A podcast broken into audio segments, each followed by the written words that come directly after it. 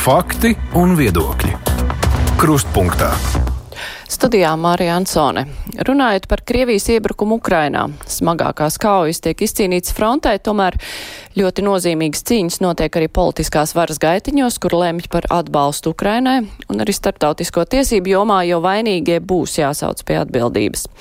Tomēr ar ANO tribunālu izveidošanu nesokas, kā cerēts, arī sankcijas pret Krieviju, gaidīto rezultātu pagaidām nav nesušas. Kādēļ par to šodien saruna ar Eiropas Savienības tiesas tiesnesi Inetu Ziemeli, kur mums šodien pievienojas attālināti. Labdien!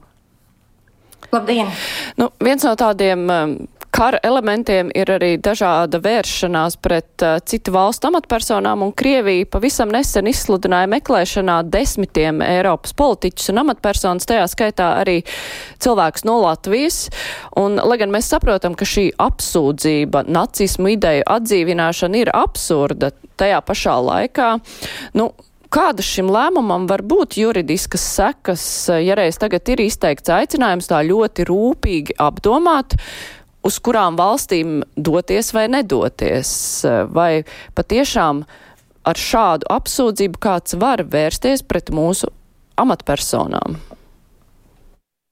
Nu, pirmām kārtām, um, es domāju, nevienu tik tiešām nepārsteidz uh, tas, ka uh, visu citu uh, līdzekļu klāstā, kurus Krievijas federācija izmanto pret demokrātisko pasauli un ir izmantojusi arī pret Baltijas valstīm, ir vēl viens juridisks mehānisms, par kuru Krievijas federācija nu, ir aizdomājusies Un viņu, protams, izmanto savā cīņā vispār pret pasaules kārtību.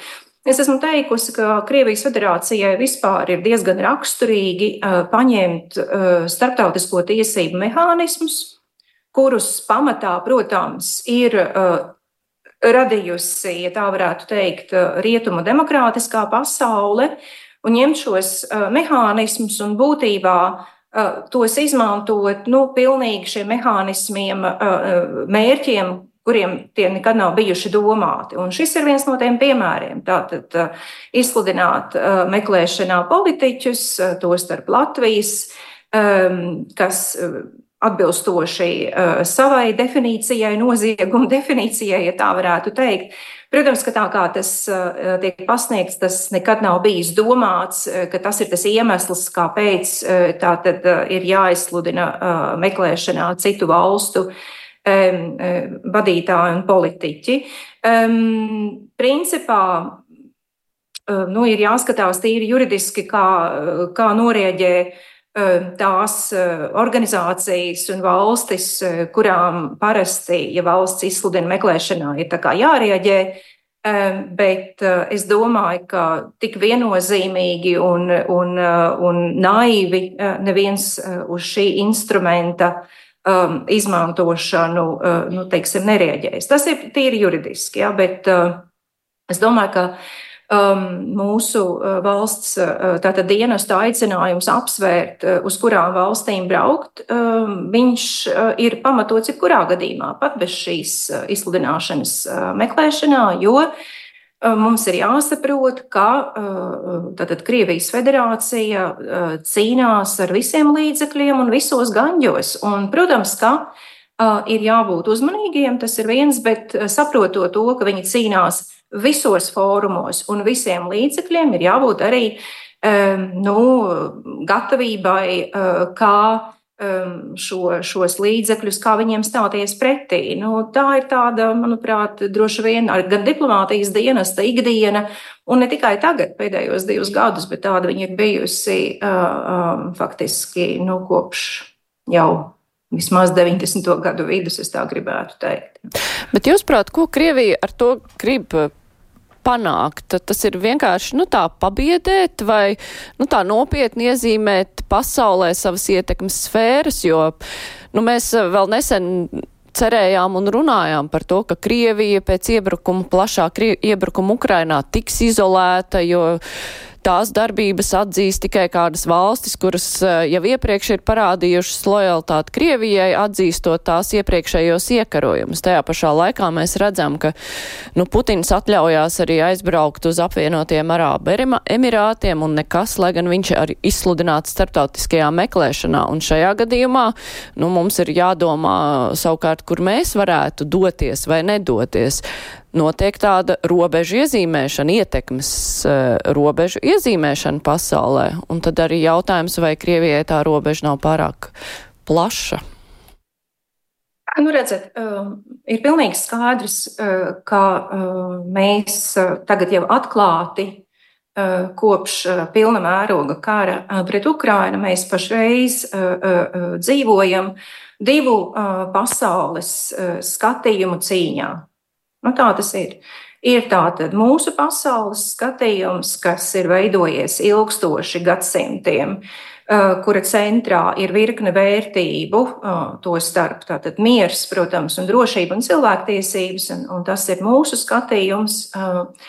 Un mēs esam piedāvājuši virkni tiesisko mehānismu, starptautisko organizāciju, kuru ietvaros sarunu ceļā um, būtībā par šīm vērtībām nu, faktiski iestāties, viņas aizstāvēt. Tas ir mūsu pasaules skatījums. Savukārt Krievijas federācija pavisam beidzot atklāti ir pateikusi, ja piemēram 90. gadu otrajā pusē, 2000. gadu sākumā, nu, diezgan liela daļa vēl domāja, ja rietumdemokrātiskajā pasaulē, ka uh, Krievijas federācija varētu uh, pievērsties šīm vērtībām, kā cilvēka cieņa, demokrātija, tiesiskums.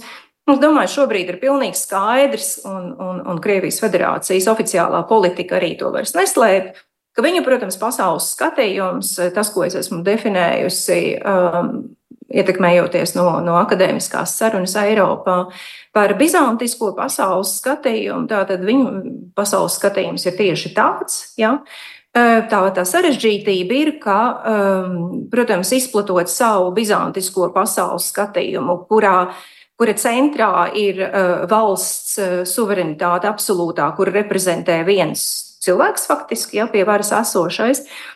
Un tā nav vienīgā valsts ar šādu, protams, valsts politiku, vai ne? Bet uh, izplatot šo pasaules skatījumu, nu, Krievijas federācijai nodara pilnīgi visi līdzekļi, Eh, to starp, kā jau es teicu, arī mūsu pašu eh, eh, rietumu kultūra telpā radītie tiesiskie mehānismi, pilnīgi neskrupulozi viņi tiek izmantoti, nu, protams, sava pasaules skatījuma tātad izplatībai.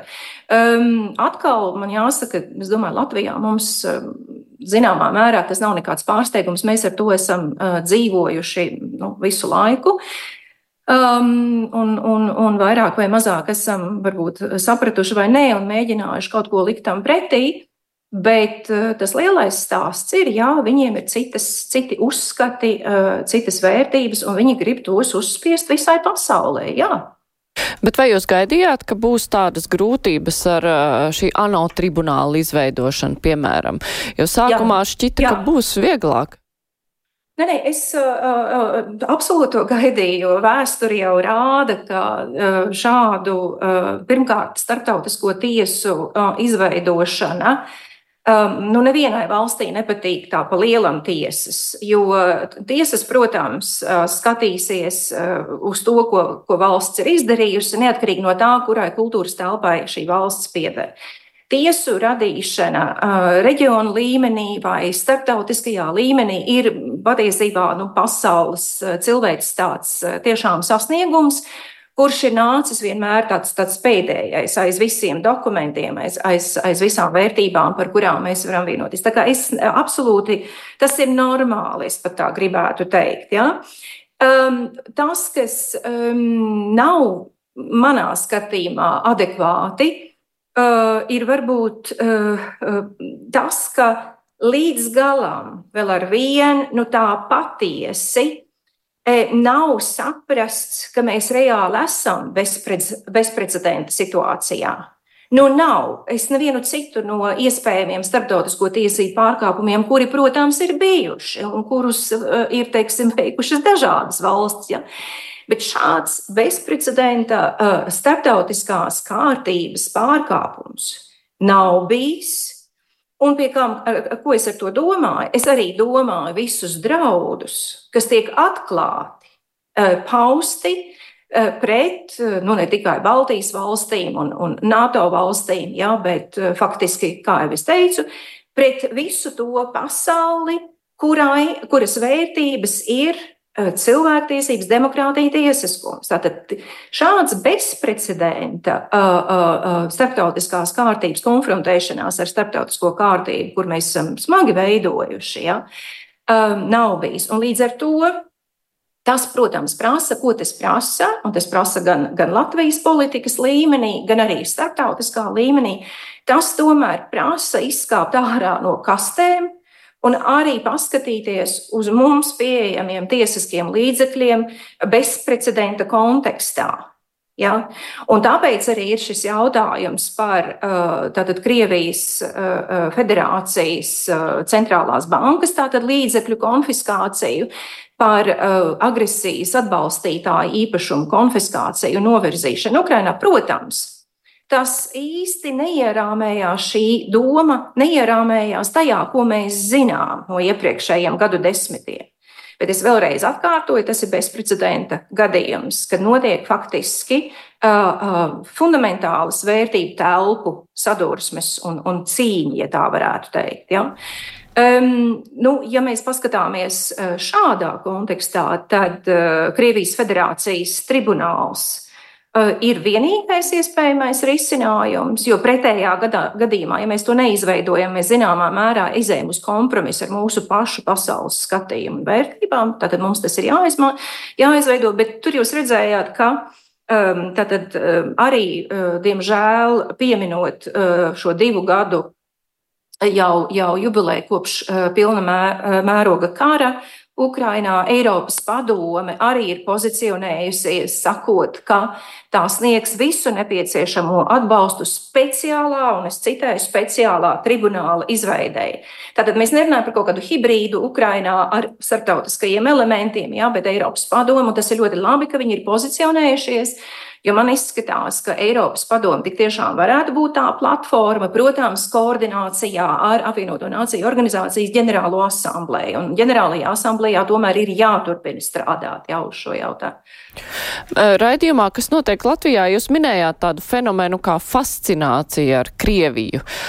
Uh, bet uh, jūs arī pieminējāt, ka šī fascinācija pie piemīt tieši Rietuma Eiropas uh, politiķiem, ne jau visiem, protams, bet arī, bet, uh, nu, kā tas vispār ir izskaidrojums, ņemot vērā, ka, nu, politiķi taču nevar attaisnoties ar to, ka viņi neseko tam, kas notiek Krievijā, kā to varētu attaisnoties, nu, vienkārši pilsoņi, kuri varbūt tiešām ir noguruši no šīm ziņām par karu. Kā šī fascinācija var saglabāties cilvēkiem, kuri redz, kuru darba pienākumos ir redzēt, kas notiek?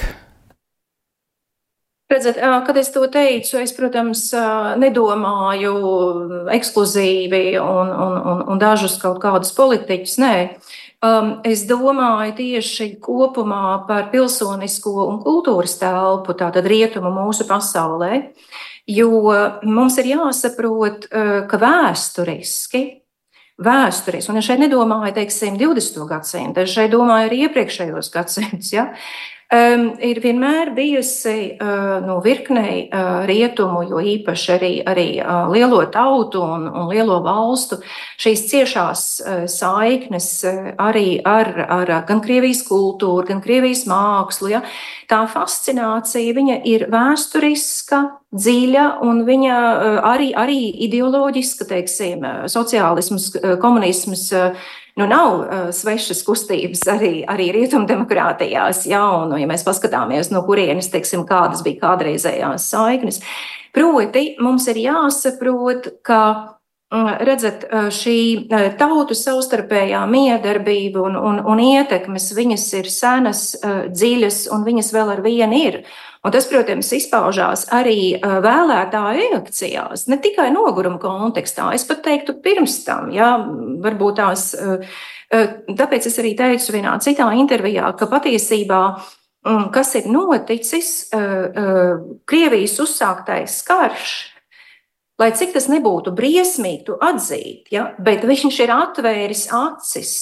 Es teiktu daudziem, kuriem viņas nebija atvērtas līdz šim, tostarp Latvijā. Un tā tad Krievija pati sevi ir atmaskojusi. Un varbūt tā ir tā labā ziņa, ja tā dziļi skatoties uz šīm lietām. Faktiski, ja tā varētu teikt, sociāli ja, un, un, un, un antropoloģiski skatoties uz šīm lietām. Un šī šādā izpratnē fascinācija ar Krieviju, viņa ir dziļi iesakņojusies, un, protams, uz to atkal reaģē nu, vai, nu, dažādi politiskie spēki, nu, kāda, nu, kāda nu, tam katram politiskajam spēkam ir tā ietekme. Ja? Un to nedrīkst uh, par zemu arī novērtēt, jo, protams, ka tas arī izspēlējās visos mēģinājumos jau šobrīd veidot uh, starptautiskās atbildības fonu jā, Krievijas federācijai un, un lēmumu pieņēmējiem jo īpaši. Protams, ka tas ar šo psiholoģisko barjeru nepārtraukti jā, saskarās, bet, bet nu, ne tikai. Tad mēs varam runāt arī par naudas ietekmi. Es teiktu, ja nauda un fascinācija šie divi, šie divi teiksim, monstri, ja tā varētu teikt, nu, tādos dziļākos līmeņos ir, ir, protams, tas, kas traucē. Un tas lielais jautājums būs, um, nu, tiešām, cik spēcīgi būs uh, valstu vadītāji, kuri, piemēram, tagad arī tiksies 20. Um, vismaz Parīzē, ja, pēc, pēc Francijas prezidenta Makrona uzaicinājuma. Tātad eh, tieši šajā brīdī, nu, kādas būs tās ļoti jāsako līdzi eh, šai, šai, šim, šim, šim momentam, eh, kā viņiem izdosies kādā virzienā nu, restartēt ja, šo, šo vienotību attiecībā uz gan militāro atbalstu Ukrainai, jo tas ir vispirms vajadzīgs. Bet es tikai gribu jums um, norādīt to, ka, saprotat, taisnīguma, nonākšana līdz taisnīgumam Ukrainas kontekstā, proti, ka e, Putins un lēmumu pieņēmēji tiek saukti pie atbildības, un Krievija kā valsts tiek saukta pat pie atbildības par agresiju, un līdz ar to maksā reparācijas ja, Ukrainai un Ukrainas atjaunošanas kontekstā. Tas ir tas ideālais konteksts. Bet tas var notikt tikai tad, ja Ukraina tiešām uzvar. Un līdz ar to uh, militārā uzvara ir cieši saistīta arī nu, ar visu pārējo, ja, kas, kas, protams, ir tiesiskās, eh, tiesiskie procesi. Eh, tātad militārie un tiesiskie eh, abi divi vaļi ir cieši saistīti. Tajā pašā laikā arī par to, kas ir Ukrainas uzvara, nu, ja tā tieši uzdot visiem jautājumiem, es domāju, atbildes varētu būt diezgan atšķirīgas, jo vieni saprot Ukrainas uzvaru ar Krievijas sagraušanu, citi saprot Ukrainas uzvaru ar Krievijas padzīšanu no katra Ukrainas zemes centimetra. Bet vai mēs varam cerēt, ka Krievija uh, pakļausies šīm te starptautiskajām tiesām ja tādi spriedumi būs un ja reparācijas tiks pieprasītas, bet eh, ja tajā pašā nebūs mainījusies vara? Uh, tieši tā, uh, es piekrītu jums, ka droši vien, uh, kas ir uzvara, to var saprast un, un, un, un definēt dažādi. Un, un atkal, protams, ir ļoti nērti par to runāt, tāpēc ka mums šobrīd vispirms ir, ir vajadzīga, vajadzīgs, Ukrainai ir vajadzīgs atbalsts frontē tieši, ja, un, un nu, tā, tā, tā sajūta par uzvaru, tā saruna par uzvaru, viņa šajā brīdī tieši ir, ir um, ārkārtīgi sarežģīta. Un uzvaras vēsturiski skatoties atkal karu kontekstā, tas, tas gala punkts tiek pielikts arī ļoti dažādi. Ir miera līgumi, ir tribunāli, tātad tur tās juridiski ir, ir, ir vairākas iespējas, tad, kad tā uzvara tiek svinēta. Tas, ko es varu pateikt, ka kā minimums no starptautisko tiesību viedokļa ir absolūti skaidrs, ka Ukrainai ir jāatbrīvo savas 91. gada teritorijas. Tā ir Ukrainas teritoriālā integritāte, un to aizsargā apvienoto nāciju organizācijas statūti. Ja? Tātad, kas vēl pēc tam ap šo tiek darīts, Es uzskatu, ka tas jau nu, ir Ukrainas jautājums un, un, un politisko sarunu jautājums. Un otrā daļa jūsu jautājumam bija par to, tātad, es esmu pārliecināta, es tiešām esmu pārliecināta, ka Ukraina atbrīvos savu valsti un atgūs brīvību. Um, tad uh, jautājums ir, kādā veidā uh, tiks saukta pie atbildības uh, Putins un, un, un, un, un viņa, viņa tā tad uh, viss tas, um, nu, tas anturāšs viņa. Ja?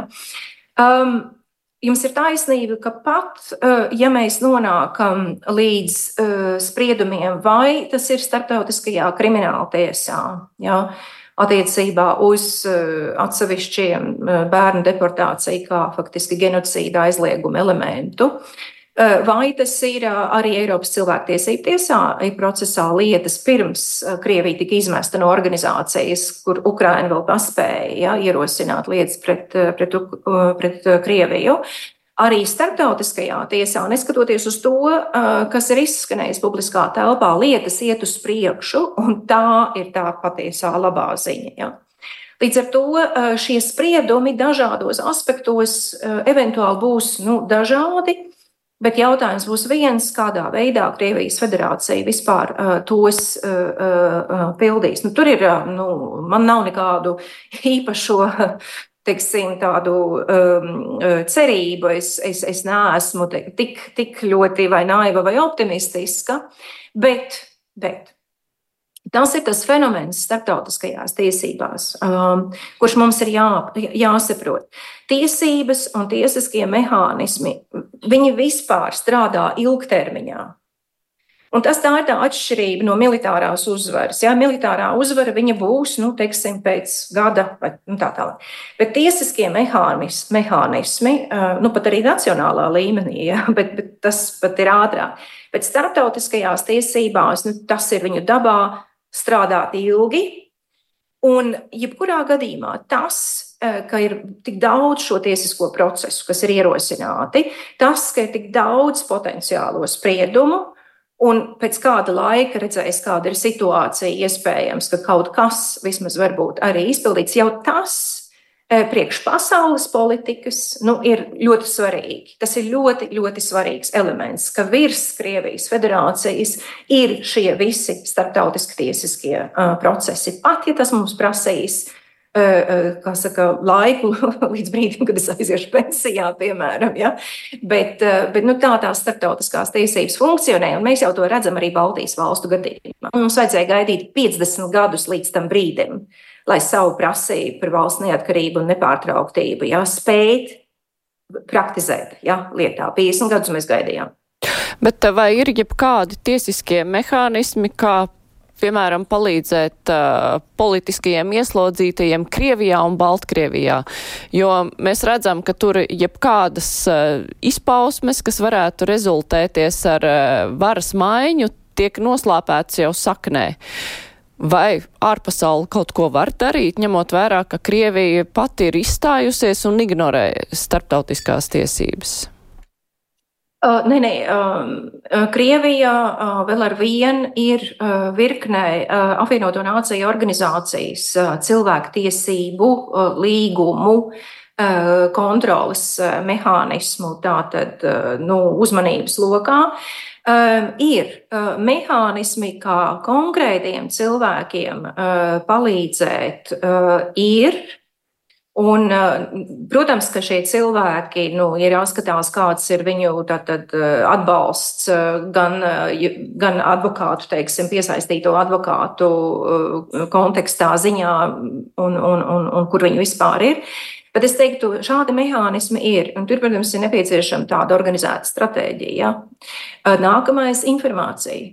Tā ir, tā tiešām šajā laikmetā, kas ir informācijas laikmets, atšķirībā no 20. gadsimta, kad Latvija bija okupēta. Ja, informācijas izplatīšana ir ārkārtīgi svarīga par tiem cilvēktiesību pārkāpumiem, kas notiek Krievijas federācijas iekšēnē. Um, es nezinu, cik organizēti, cik strateģiski uh, tas, tas notiek. Es pati neesmu manījusi. Bet, uh, jā, šāds atbalsts uh, tātad um, um, nu, disidentiem šajā gadījumā Viņš ir nepieciešams, to mēs arī paši no savas vēstures zinām. Ja? Un vēl jau vairāk šajā laikmetā tas ir iespējams. Daudz labāk nekā, piemēram, kad mūsu disidenti cīnījās ja, par informācijas izplatīšanu gan Latvijas iekšienē, gan ārpus Latvijas. Bet jautājums, vai ANO ir tas ietvers, kur tas viss patiešām strādā, jo mēs zinām, ka nu, ne jau visas ANO valstis pašas ir pirmrindieces cilvēktiesību ievērošanā.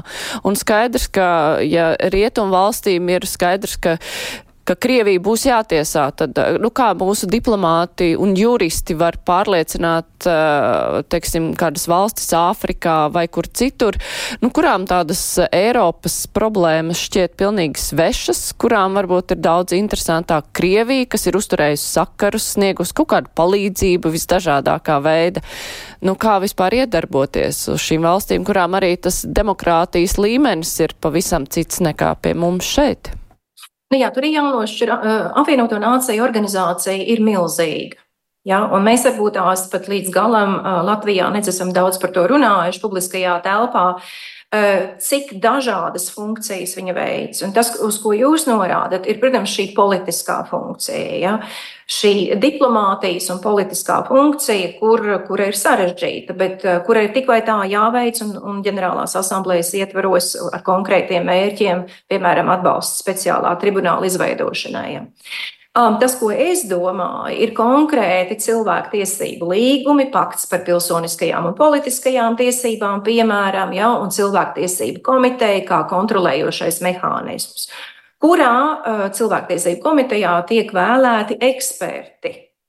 Līdz ar to vismaz šajā kontekstā ir cerība, ka ja ir viens individuāls cilvēktiesību pārkāpums un ieslodzījums, teiksim, kolonijā bez uh, tiesas sprieduma vai arī tādā tiesas procesā, kas ir acīm redzami negodīgs. Ja. Tas ir cilvēktiesība pārkāpums atbilstoši 14. pantam, paktā par pilsoniskajām politiskajām tiesībām. Ja. Un tāpēc es arī saku, ja šeit ir teiksim, gan starptautisko advokātu biroju, piemēram, konkrēta stratēģija un izēja ja, uz, uz, uz kaut vai disidentiem, kas ir ieslodzīti, tad arī šie mehānismi ANO ir, protams, izmantojami. Jā, Tur jau ir tā atšķirība, ka no Eiropas padomes Krievija bija jāizslēdz, jo Eiropas padome tik tiešām ir demokrātisku valstu miermīlīgu demokrātisku valstu organizācija. Tas ir priekšnoteikums, lai būtu valsts. Bet apvienoto nāciju organizācijā demokrātija nav priekšnoteikums, jā, lai būtu par ANO dalībvalsti. Varbūt šajā gadījumā to, ko mēs paši esam radījuši, kā, kā rietumu pasauli pēc otrā pasaules kara, nu tad arī tas instruments tomēr ir jāizmanto tiem procesiem, kurus mēs iespējams kaut kur eh, ne, konkrētajā nedemokrātiskajā valstī gribam atbalstīt. Ja. Bet, bet, kā jau es teicu, tas, tas, tas tiešām prasa iespringt, ja. tas prasa eh, nu, būtībā tādu salikt stratēģiju, ja, kura sastāv no daudziem elementiem. Ja. Un, un, un nu, vai tas ir izdarīts un, un kā tas tiek darīts, eh, tas arī, protams, ir politikas jautājums, un to es, protams, nezinu. Nu, viena lieta, kā var patiešām ietekmēt eh, Krieviju, ir sankcijas, bet jautājums ir arī par to efektivitāti. Mēs tūlīt runāsim arī par to. Es tikai klausītājiem atgādināšu, ka šodien kopā ar mums attālināti ir Eiropas Savienības tiesas tiesnese Ineta Ziemeli. Mēs tūlīt sarunu turpināsim. Raidījums Krustpunktā.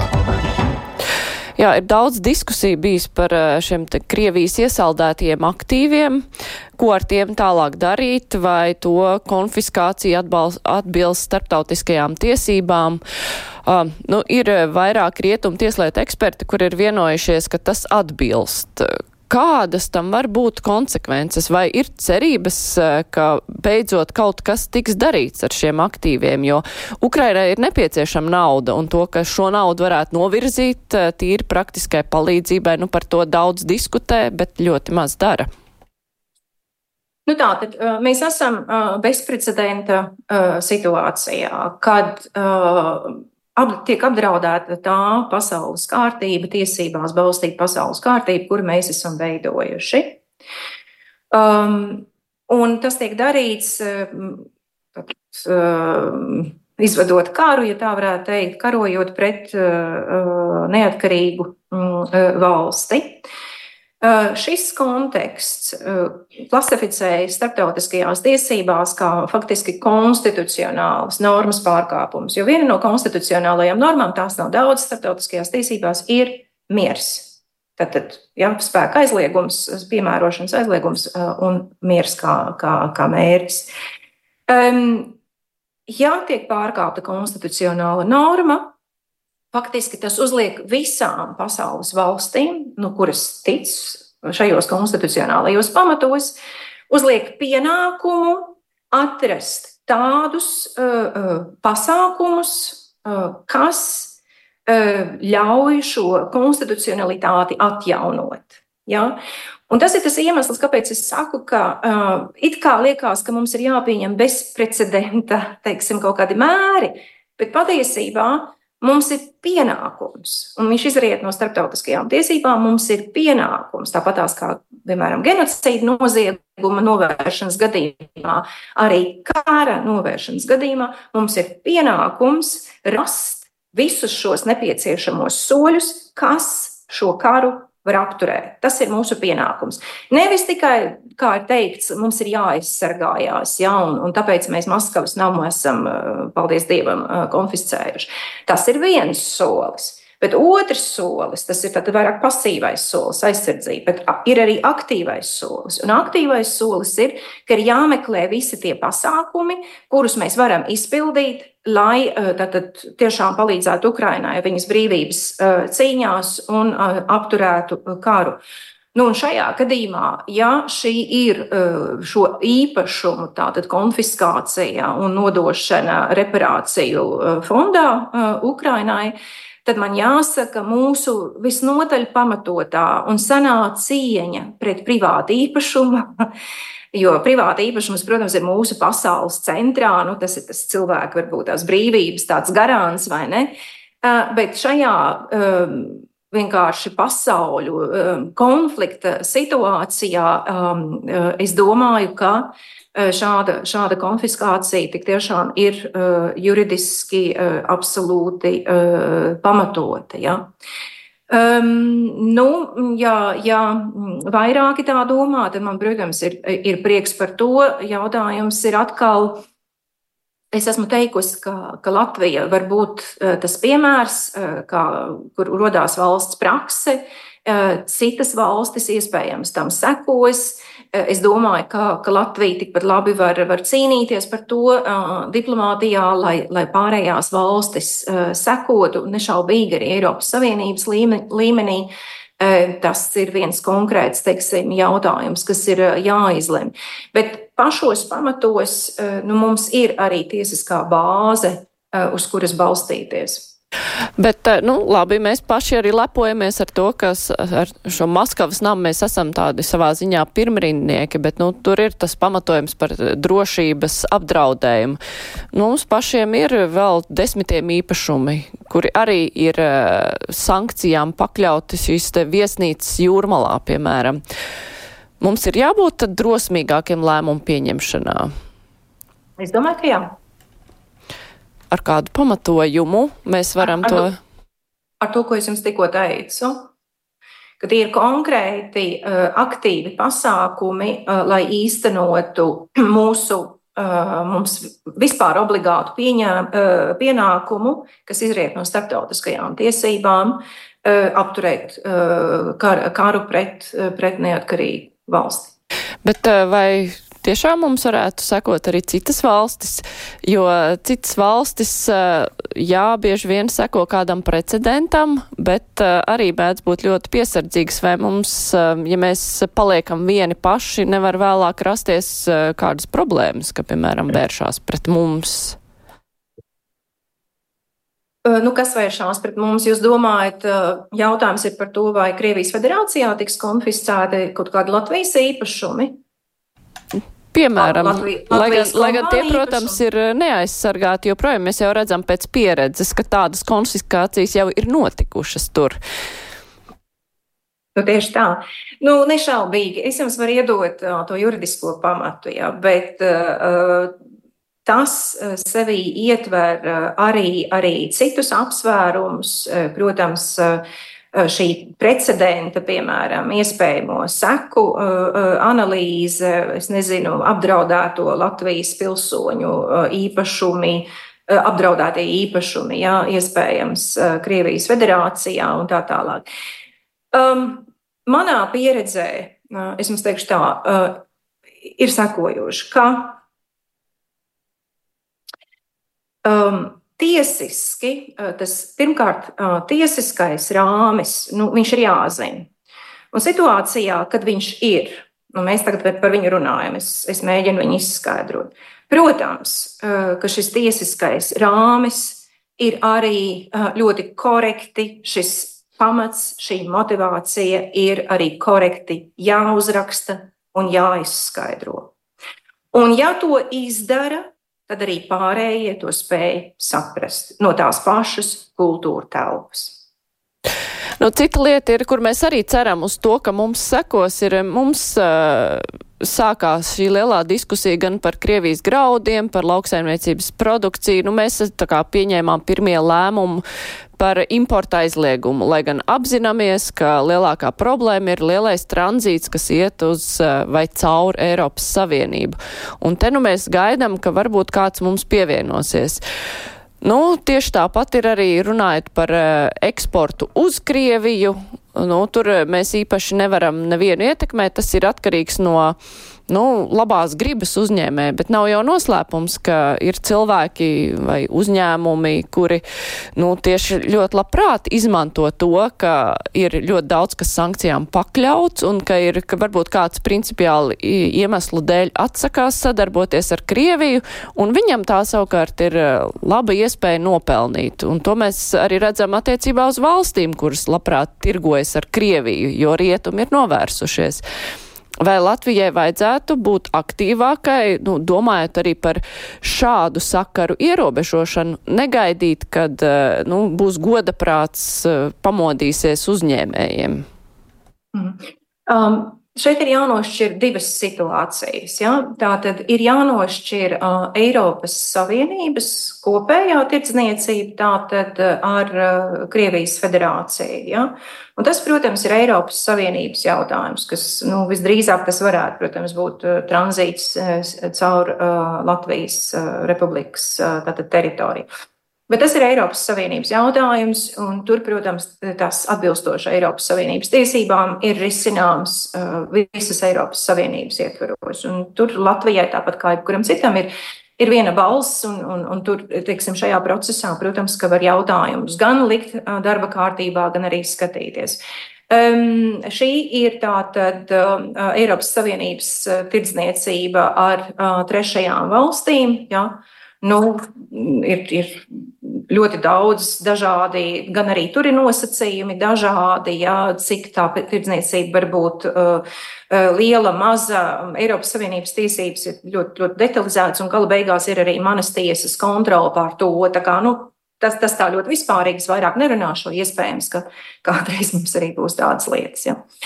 Bet, bet tas ir viens aspekts. Bet otrs aspekts ir uh, otrs juridiskais konteksts. Tā tad ir divpusējās attiecības. Uh, Latvijas Republikas attiecības ar uh, Krievijas uh, federāciju tirdzniecības tātad, uh, jomā.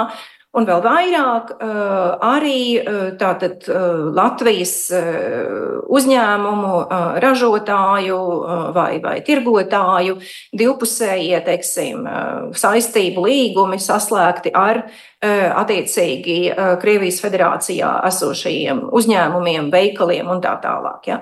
Pirmais, kas ir ārkārtīgi svarīgi, ir tomēr šos divus lielos kontekstus juridiskos nošķirt, jo katrā ir sava loģika. Ja? Un tad arī tajā otrajā Latvijas-Krievijas kontekstā saprast, ka ir nu, konkrēti privāta persona, faktiski tā var privātā biznesa tirzniecība. Ja? Kas attiecās uz Latvijas kontekstu? Protams, ka Latvijas republika, nu, tā kā es saprotu, tas solis jau ir spērts, Latvijas republika šajos uh, apstākļos, kas ir bezprecedenta apstākļi, var likumdevējs var spērt virkni soļu. Tas tik tiešām ir uh, faktiski uh, valdības ja, un, un, un, un arī valsts vadītāju tādas vīzijas jautājums ja, attiecībā uz uh, Latvijas uh, ekonomikas interesēm šajos apstākļos, vai viņi ir uz, uz austrumiem vai uz rietumiem. Ja. Un, ne, ne, un, un tas, ir, tas ir gan, gan likumdevēja, gan valdības vīzijas jautājums, ko mēs gribam. Bet tas, ka mēs varam tas, kas uz mums attiecās, ja, paskatīties uz šīm biznesa attiecībām, nu, ļoti dažādi. Mums tādas tiesības, protams, protams ka ir.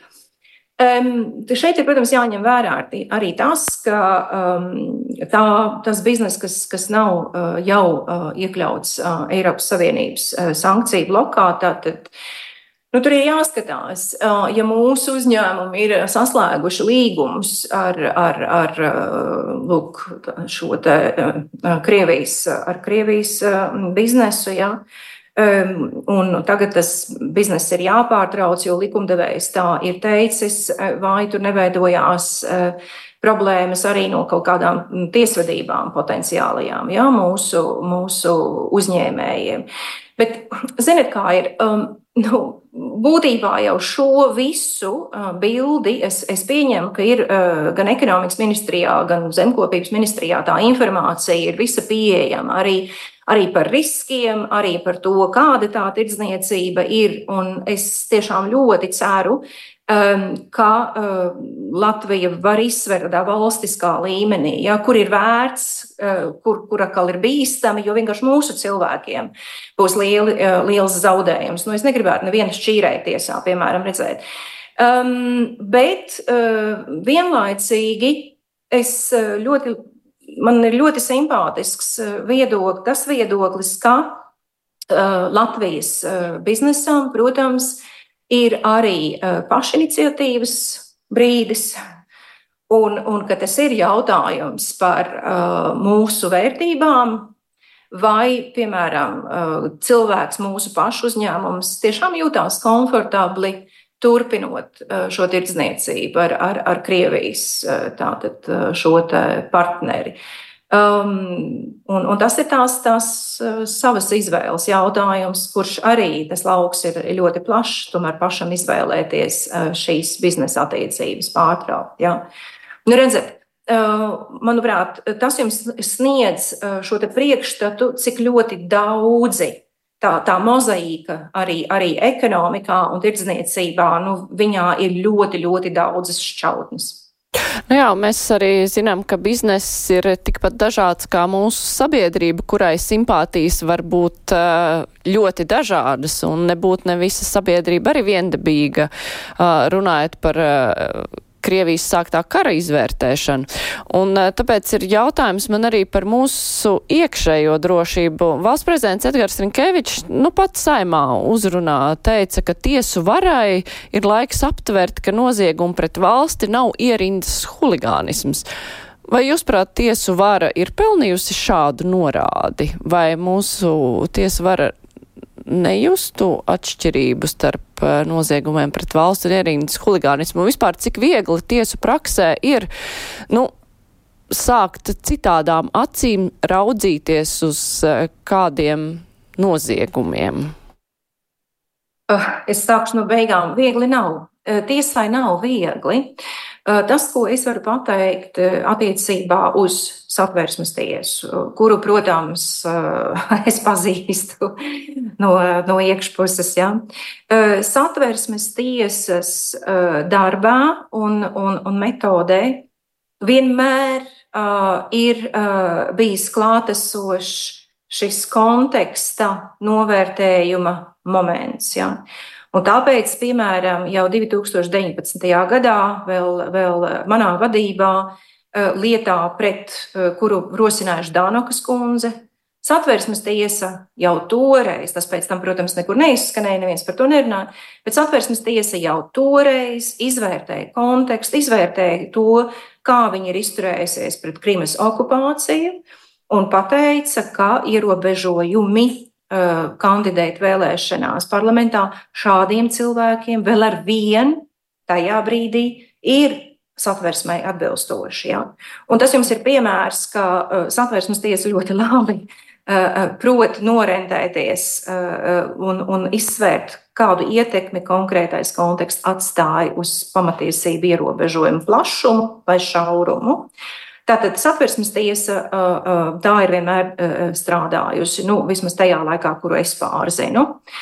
Nākamais, kas attiecās uz vispārējās jurisdikcijas tiesām un tādām tiesām, kurām vairāk ir, pie, kuras strādā vairāk, nu, ja tā varētu teikt, ar samērā juridiski tehniskiem jautājumiem. Nu, satversmes tiesa, protams, ir vērtība tiesa, ja, un tur prasās saprast kontekstu. Bet ne visas tiesas nodarbojās ar vērtību jautājumiem. Un, un es pilnīgi saprotu to, un arī Eiropas tiesām citas starp, zinot tagad abas divas tiesas Eiropas, ja, um, nav, nav nemaz tik vienkārši novērtēt šī konteksta ietekmi uz tiesību tātad, tādu vai citādu izpratni. Jā, tas, tas ir izaicinājums, un, un tas ir izaicinājums tiesām, ņemot vērā tiesu raksturu ja, un tiesu darba metodu. Par to es, to es nenoliedzu. Bet uh, tas, ka uh, tad, kara apstākļos uh, nu, ir jāsaprot, ka mēs esam kara apstākļos un ka, uh, diemžēl, kā es skaidroju, ir valsts, kura šīs tiesības izmanto ne jau nu labā ticībā, tas, protams, ir jāņem vērā pie juridiskās metodas. Jā. Bet vai Eiropas Savienības tiesa arī sastopas ar nu, kaut kādām nepieciešamībām pēc pārmaiņām, varbūt domāšanā, ņemot vērā šo jauno kontekstu? To, ka mēs nu, dzīvojam citā pasaulē. Pagaidām tātad ar sankciju lietām strādā vispārējā tiesa, ja, nu, tātad, ja tā varētu teikt, pirmajā līmenī. Un Eiropas Savienības tiesā šīs sankciju lietas varētu nākt nu, tikai tad, ja, ja ir apelācija, ja, ja kāds no sankcionētajiem būs neapmierināts ar vispārējās tiesas nolēmumu un, un nāks tātad pārsūdzēs šo nolēmumu. Uz šo brīdi pagaidām šādas lietas mums nav Eiropas Savienības tiesā, kas nozīmē, ka tajās spriedumos, kuros ir nolēmumi, piemēram, Abramovičs jau vispārējā tiesā, kur paturēja sankcijas spēkā, un es zinu, ka pierādījuma latiņa ir ļoti augsta, ka tur tātad neviena no pusēm nesaskatīja iespēju, ka būtu jebkādā veidā šis vispārējās tiesas nolēmums nu, kaut kur caursitams, ja tā varētu teikt. Tātad, jā, sankcijas ir spēkā. Tātad Eiropas Savienības tiesību kontekstā, kas attiecās uz, uz šiem te kara jautājumiem, tas vairāk izpaužās kā, kā sankcija jautājums, jo redzat, atbilstoši Eiropas Savienības līgumam, nacionālā drošība tomēr ir valstu ziņā. Ja, un, un mums ir tā, ko atkal virkne valstu vadītāji uzskata, kā varbūt tās trūkums Eiropas Savienībā, ka mēs neesam apvienojuši tātad kompetences drošības jautājumos. Ja, un, un līdz ar to Eiropas Savienības tiesā tas um, var tikai tā no malām kaut kā nonākt šie jautājumi. Jūs jau pieminējāt Tatjanu Ždanoku šobrīd, eh, nu, kad, eh, nu, tagad viņi vairs nevar kandidēt uz Eiropas parlamentu, bet varēja un tur bija, un pēc tam, kad parādījās atklātībā informācija par viņas um, saiknēm ar Krievijas pēcdienestiem, Tad uh, daudz tika pārmest, nu, bet uh, kāpēc vispār mēs pieļāvām, ka viņa varēja kandidēt uz Eiropas parlamentu? Vai jūs prāt, tas lēmums toreiz bija neadekvāts vai tomēr atbilstoši tā brīža realitātei? Nu jā, um, tad, kad Latvijā mēs veidojām šo, šos nosacījumus attiecībā uz tiesībām kandidēt tātad Eiropa parlamenta vēlēšanās, tajā brīdī, tajā, tā brīža tiesiskajā domā bija izpratne, ka tātad šie cilvēki, kurus nu, mēs no, nacionālās, mūsu nacionālās drošības viedokļa nevaram pielaist saimnes vēlēšanās, ka tas viss izskatās savādāk plašajā plašajā Eiropā. Ja? Un tad tur noteikti bija vēl viens aspekts, es tā iedomājos, ka, protams, ka Eiropas Savienība īpaši tajā brīdī nu, vispār šādus ierobežojumus tiesībām kandidēt reāli nesaprot un nesaprata. Un viņi rada, mm, nu, rada tādas diezgan nepatīkamas reakcijas. Ja? Jūs varbūt atceraties, ka 2008. Mm, gadā šī pirmā Ždanokas lieta aizgāja uz Eiropas cilvēktiesību tiesu. Un šajā lietā nu, tās diskusijas, kas bija tiesas sastāvā, viņas bija ļoti tādas monumentālas. Ja? Un tas ir tas iemesls, un tas pārsvars, nu, viņš ir, viņš ir solīts, bet tik vai tā, tur ir pietiekami daudz atsevišķo domu. Un es pilnīgi saprotu, kāpēc, runājot par nosacījumiem, kandidēt Eiropas parlamenta vēlēšanās, tātad uh, Latvijas likumdevējs uh, izvēlējās varbūt neiet un, un tajā brīdī nestāstīt par mūsu šo, vēsturisko pieredzi, jo tā ir mūsējā un uz pārējām, teiksim, 27 valstīm, ja viņa, viņa ir grūti attiecināt. Um, redzat, um, tagad tomēr uh, būs jāskatās, uh, kā šis, šī Latvijas parlamenta izvēle tālāk uh, uh, risināsies, kā tas notikums risināsies. Jo, ko es jums varu pateikt? Ka uh, uh, Eiropas Savienības līguma, uh, līgumā tātad uh, attiecībā uz tiesībām kandidēt ir uh, virkne nosacījumu. Un viens no nosacījumiem ir, ka, šie, ka šiem noteikumiem ir jābūt vienādiem visās valstīs. Ja viņš ir līgumā ierakstīts, man pašreiz pašai tiesvedībā ir divas lietas, kuras ir rosinājusi komisija pret divām dalību valstīm, arī attiecībā uz tiesībām kandidēt. Es vairāk neko par to nerunāšu, jo mēs pašreiz esam spriedumu rakstīšanas stadijā.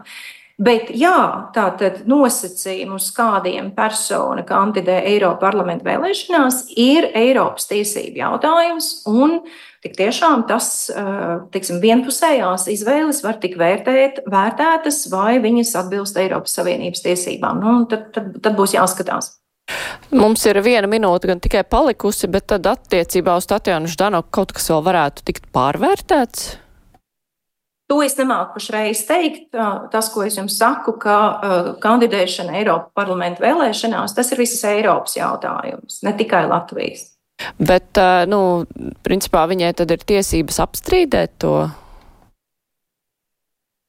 Es nebrīnītos, ja viņa mēģinātu jā, sākt, sākt tiesas procesu, un cits starp Eiropas cilvēktiesību tiesā viņa, kā jūs zinat, pēc satversmes tiesas 2019. gada nolēmumu viņa ir vērsusies Eiropas cilvēktiesību tiesā, un šajā kontekstā arī viņas lieta tiek skatīta šobrīd Strasbūrā. Jā, nu, tur tad uh, būs interesanti, vai tur parādīsies kāds jauns pavērsiens vai nē, bet uh, jā, par to mēs šobrīd nevaram spriest. Es teikšu paldies uh, šajā stundā kopā ar mums bija Eiropas Savienības tiesas tiesnese Inete Ziemela. Paldies, ka varējāt pieslēgties paldies. mums Rīgā. Rīt kruspunktā mēs jau runāsim par problēmām, kas attiecās uz mūsu pašu iekšējām lietām, uz pašvaldībām. Par bēdīgo pašvaldību budžetu stāvokli. Tagad parādās ziņas viena pēc otras un ir pat uh, jāsamazina algas tiem cilvēkiem, kurus apmaksā no pašvaldību budžeta, piemēram, bērndārza audzinātājiem, un tādas ziņas pienāk no ne tikai vienas, bet vairākām pašvaldībām. Tā kā mēs runāsim, vai tad pašvaldības nemāk saimniekot, vai tomēr ir kāda problēma pašvaldību budžeta politikas veidošanā bet tas ir tad rītdienas sarunas temats. Šodien raidījums krustpunktā izskan raidījuma producente ir Ieva Zēze, studijā bija Mārija Jansona. Visu labu! Klausieties mūs arī atkārtojumā pēc deviņiem vakarā vai mūsu lietotnē. Visu labu!